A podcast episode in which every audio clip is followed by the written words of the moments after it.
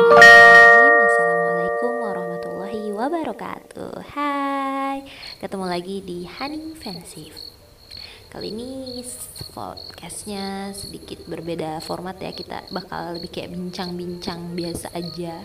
Kayak ngobrol sama temen sehari-hari Tapi masih soal pembahasan hal-hal yang halus. Atau supernatural Iya kali ini aku ketemu lagi tamu spesial kemarin yang bercerita tentang penunggu pohon belimbing ya. Siapa lagi kalau bukan Kak Tamara bukan deh maaf ya Kakak Noy halo Kakak Noy Halo, assalamualaikum warahmatullahi wabarakatuh. Para pendengar Honey Pensif, C. Jadi sekarang ini apa namanya? Jadi bintang tamu lagi nih di Honey Pensif. ya. Nah, ini ada bintang tamu spesial kalau kita mau bahas-bahas Iya, cerita kan tentang yang horor bukan Oke. horor sebetulnya ini tapi lebih yang halus-halus lah ya horor sih soalnya aneh aja gitu, nggak bisa apa sih nggak bisa di nggak bisa- nggak masuk akal sih. Iya Mereka tuh bentuknya tuh bisa berubah-berubah gitu, sedangkan kita kan gini-gini aja. nggak masuk akal tapi masuk ke pembuluh darah Betul. darah kita sampai Betul. ada yang masuk Betul. kayak setan ya mereka kan misalnya mereka bisa nampakin wujudnya sama apa namanya dengan dengan wujud yang aneh lah ada orang badannya setengah apa kakinya ular atau apa gitu kan itu kan aneh di luar logika gitu Iya, tapi kan itu intinya harus diimani kan harus tampak asing buat manusia normal betul, lah ya betul. Oke, back to the story nih. Ceritanya kali ini kita mau sharing masing-masing pengalaman. Hmm, Yang berhubungan kayak ngobrol halus. Heeh, kayak ngobrol gitu Ya, jadi kayaknya enaknya dimulai dari siapa dulu nih yang punya cerita duluan. dari yang punya podcast dulu deh Baiklah. Oke, jadi cerita yang mana ya sebetulnya? Kemarin tuh kebetulan saya kalau lagi ketemu sama Kano ini udah pernah cerita beberapa hal yang dialami di masa lalu ya. Sejauh ini sejauh eh, sekarang 2019 sih nggak Banyak sih. nggak banyak sebetulnya. Iya memang banyak. Banyak. ceritanya, tapi maksudnya saya merasa udah enggak. yang paling nyeremin deh yang paling nyeremin paling yang paling nyerimin sih yang pribadi hidup. ya. Iya, pribadi Maksudnya lah. kalau saya sendiri, oke lah. eh, dulu kan saya juga saya merasa saya nggak tahu ya, tapi mungkin sebagian di keluarga saya bilang kalau saya juga anaknya agak half indigo ya, jadi setengah indigo dulunya bisa ngerasain, kadang-kadang ngeliat gitu. Cuma lama-lama ya? lama-lama saya ya saya pribadi sih yang ngerasain stres gitu kayak karena selalu diliatin kan istilahnya malah kan, bener malah kan? enggak stres kan enggak karena normal. mereka tuh kadang penampaknya jelek gitu kan. Nyebelin, nyebelin gitu Bukan kan. jeleknya sih ya merasa karena orang lain tidak melihat apa yang kita lihat. Iya, kadang kita terus aneh nggak ada juga, bisa gitu. diceritakan gitu. Ketika kita merasa kita melihat orang nggak melihat kan istilahnya nggak sinkron ya. Ya gitu lah nggak langsung ganti ceritanya aja. Mungkin kalau ini saya pernah sih kayaknya bercerita ini ke beberapa orang yang teman saya yang lain dulu. Pribadi aja nih. Jadi eh, saya ini pernah mengikuti sebuah bela diri ya di masa muda sih masa muda. Tawan deh udah tua. Masih muda juga sih sekarang Haha. kamuflase. Jadi waktu itu seingat saya adalah setelah SMA baru baru awal masuk kuliah lah. Nah di sebuah bela diri ini tuh kalau misalnya mau naik tingkat itu kan ada ujiannya ya. Jadi ujiannya ini selain ujian fisik bela dirinya kita itu harus mengikuti sebuah ujian mungkin kalau buat orang umum bilangnya uji nyali tapi ini bukan uji nyali karena fokusnya bukan buat nakut-nakutin aku kayak mancing seberapa berani lo sama setan. bisa kayak gitu ya? Enggak.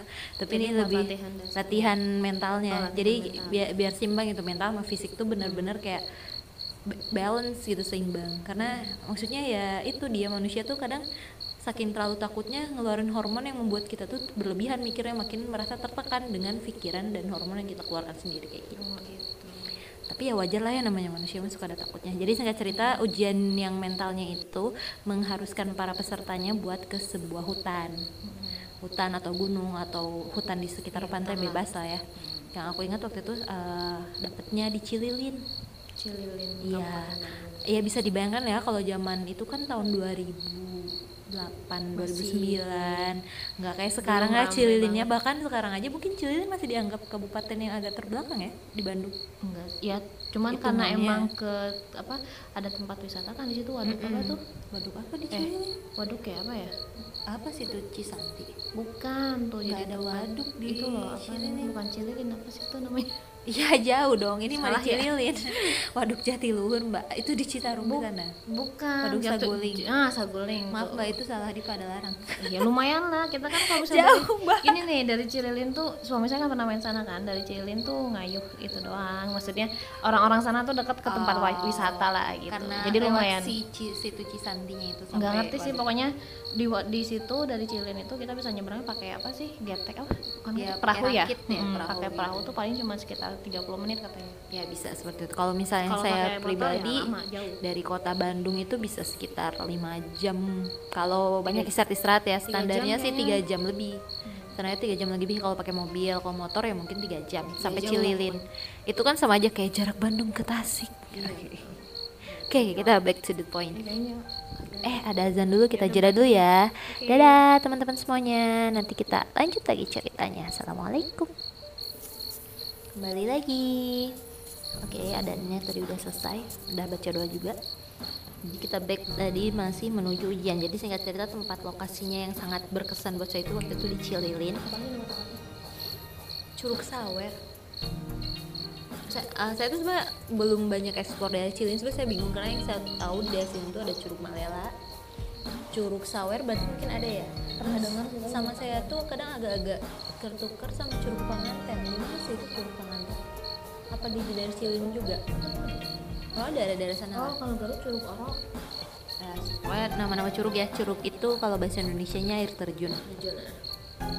Nah, jadi kan pasti banyak hutan lah ya menuju daerah-daerah curug kayak gitu. Jadi singkat cerita kita tuh ujiannya pasti eh, di- eh, nanti tiap peserta itu disimpan di suatu tempat lokasi. Disebutnya kita suka bilangnya dipelak atau ditanam. Dikasih patok-patok gitu. Misalnya saya dapat nomor 7 atau misalnya teman saya dapat nomor 6, 10 dan itu biasanya jaraknya sekitar 6 sampai 10 meter dari temannya. Jadi istilahnya si teman satu nggak bisa melihat teman yang lain kayak gitulah ya. Meskipun kalau yang patrolinya pelatihnya pasti tahu lah karena mereka melakukan patroli saat kita diam-diam melakukan patroli saat kita sedang diuji nyali seperti itu. Bukan uji nyali ya, sendirian sih kakak. Banyak sih sebenarnya banyak orang cuma terpisah-pisah. Banyak penghuni hutan juga. banyak sih Ya jadi itu mulainya biasanya jam 10 paling cepat kalau nggak jam 11 malam Jadi biasanya setelah ada ujian fikih jenazah dulu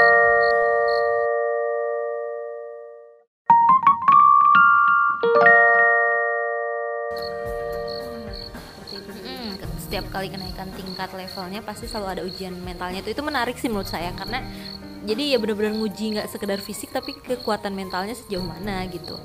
Sama sebetulnya itu ada eh, mengacu ke spiritualnya juga tapi kita nggak bahas itu di sini dulu. Jadi seingat saya waktu itu jam 11 sih kita jalan mulai dari base campnya.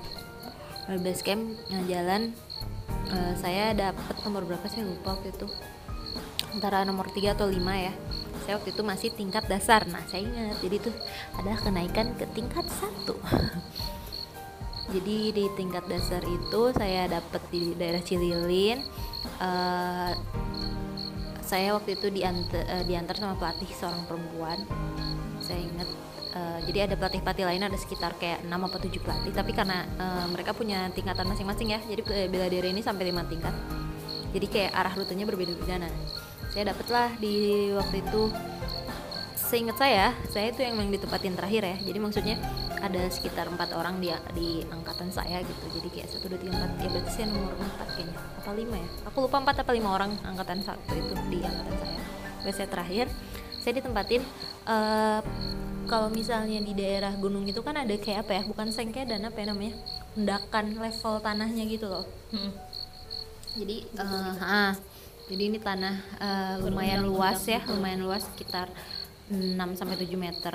Eh, tapi kalau misalnya ke arah sebelah kiri atau baratnya itu eh, ada rumput-rumput ada pohon dikit tapi eh, ada tanah lapangnya misalnya di antara pohon itu. Kalau misalnya ke arah barat atau kirinya itu langsung miring tanah landai miring ke bawah gitu. Karena kan itu ada jalan setapaknya di yang sebelum tanah kemudian. Nah di bagian atasnya tuh langsung yang kayak gitu kayak eh, dinding tapi dari tanah gitu naik gitu sekitar 3 meter kali ya. Jadi saya nggak bisa ngeliat terlalu ke atas karena ada tanah dulu Oh, baru ada tinggi ya? pohon-pohon pohon gitu. Jadi kayak gitu lah.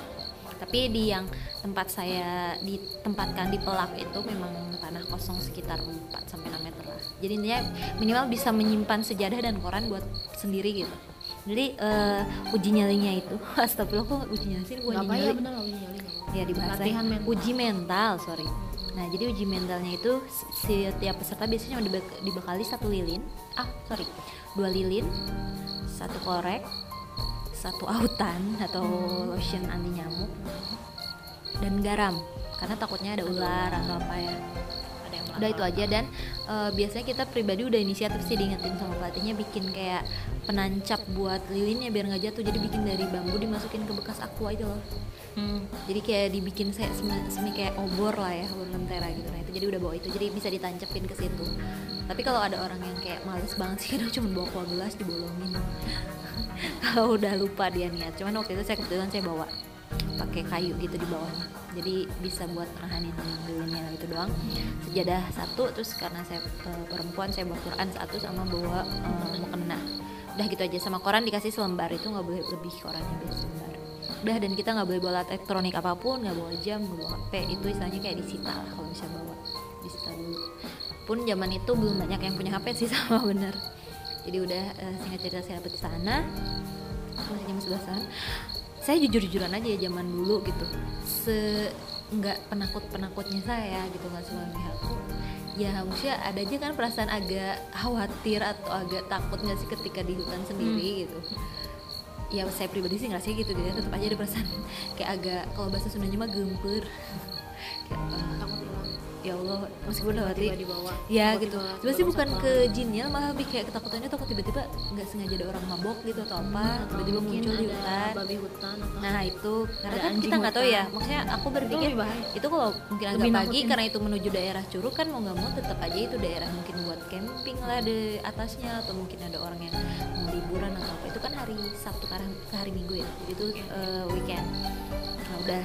Jadi saya agak kaget ketika kayak pelatihnya udah bilang oke okay, sudah siap sudah selesai.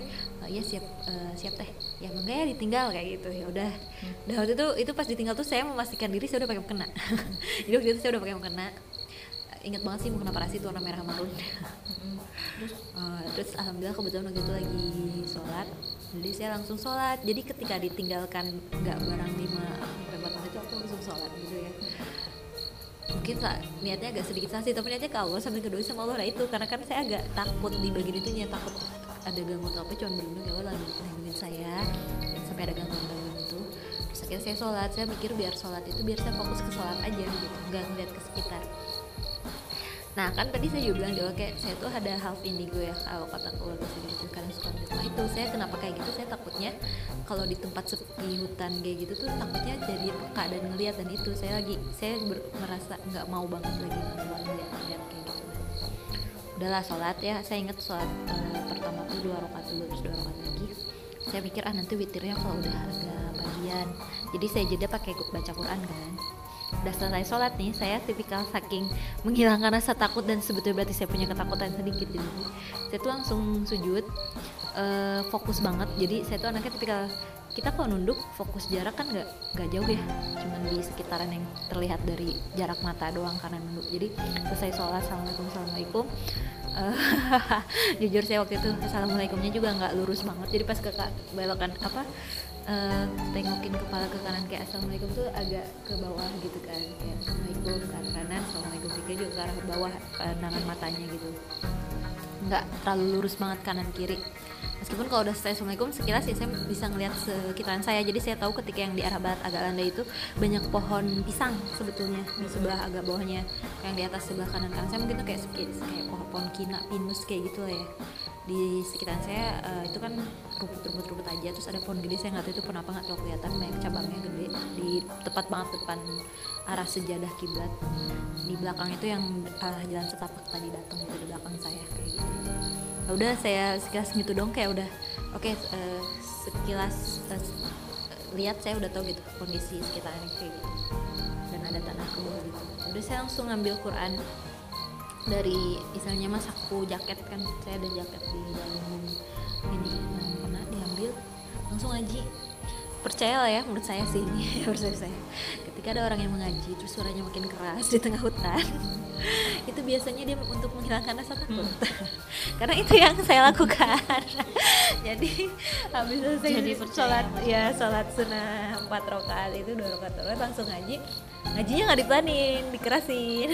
Biar secara langsung tuh kayak ya udah yang didengar suara diri sendiri gitu. Kebayangkan ya kayak di tengah hutan angin angin terus kayak udah dengerin suara sendiri aja lagi ngaji. Saya ngaji saya rasa nyadar banget suaranya keras tuh ngaji sendiri. Ah kayaknya eh, singkat cerita kan ngaji terus ya. Dan ngajinya tuh nggak ubah-ubah posisi jadi sambil nunduk gitu loh. Deketin eh, lilin di depan eh, sejadah saya. Karena lilinnya tepat di arah dekat kiblat sebelah kiri saya. Sebelah kiri ujung si sejadah. Eh nyala. Maaf intermezzo nah udah saya ngaji aja. Sampai lama-lama selain pegel. Sejujurnya itu eh, pegel ya. Cuman karena aku eh, udah dari awal kayak aku nggak mau lihat kanan kiri ya pokoknya udah ya, fokus pokoknya fokus sama Al-Quran aja. Sama lama-lama udah agak-agak semi ngantuk. Kan kadang kalau kita kalau ngaji kalau lumayan- misalnya tidur boleh sih sebenarnya sih boleh meskipun bukan disengajakan. Jadi kalau disengajain malah sebenarnya kalau ketahuan dihukum. Oh gitu. Jadi jangan bilang dari awal ah niat aku mau tidur aja. Saking takutnya misalnya. Siapa tahu. nggak boleh sebetulnya. Eh tapi kan walau alam ya apa faktanya gitu. Di saat itu saya juga kalau orang-orang yang pegang awalnya nggak bisa tidur dulu. Cuman setelah ngaji lumayan agak-agak ngantuk kan. Apa? kulit nggak ada yang makan kayaknya. Nah udah eh, udah udah mulai tuh sayup-sayup nah tiba-tiba saya ngedenger thank you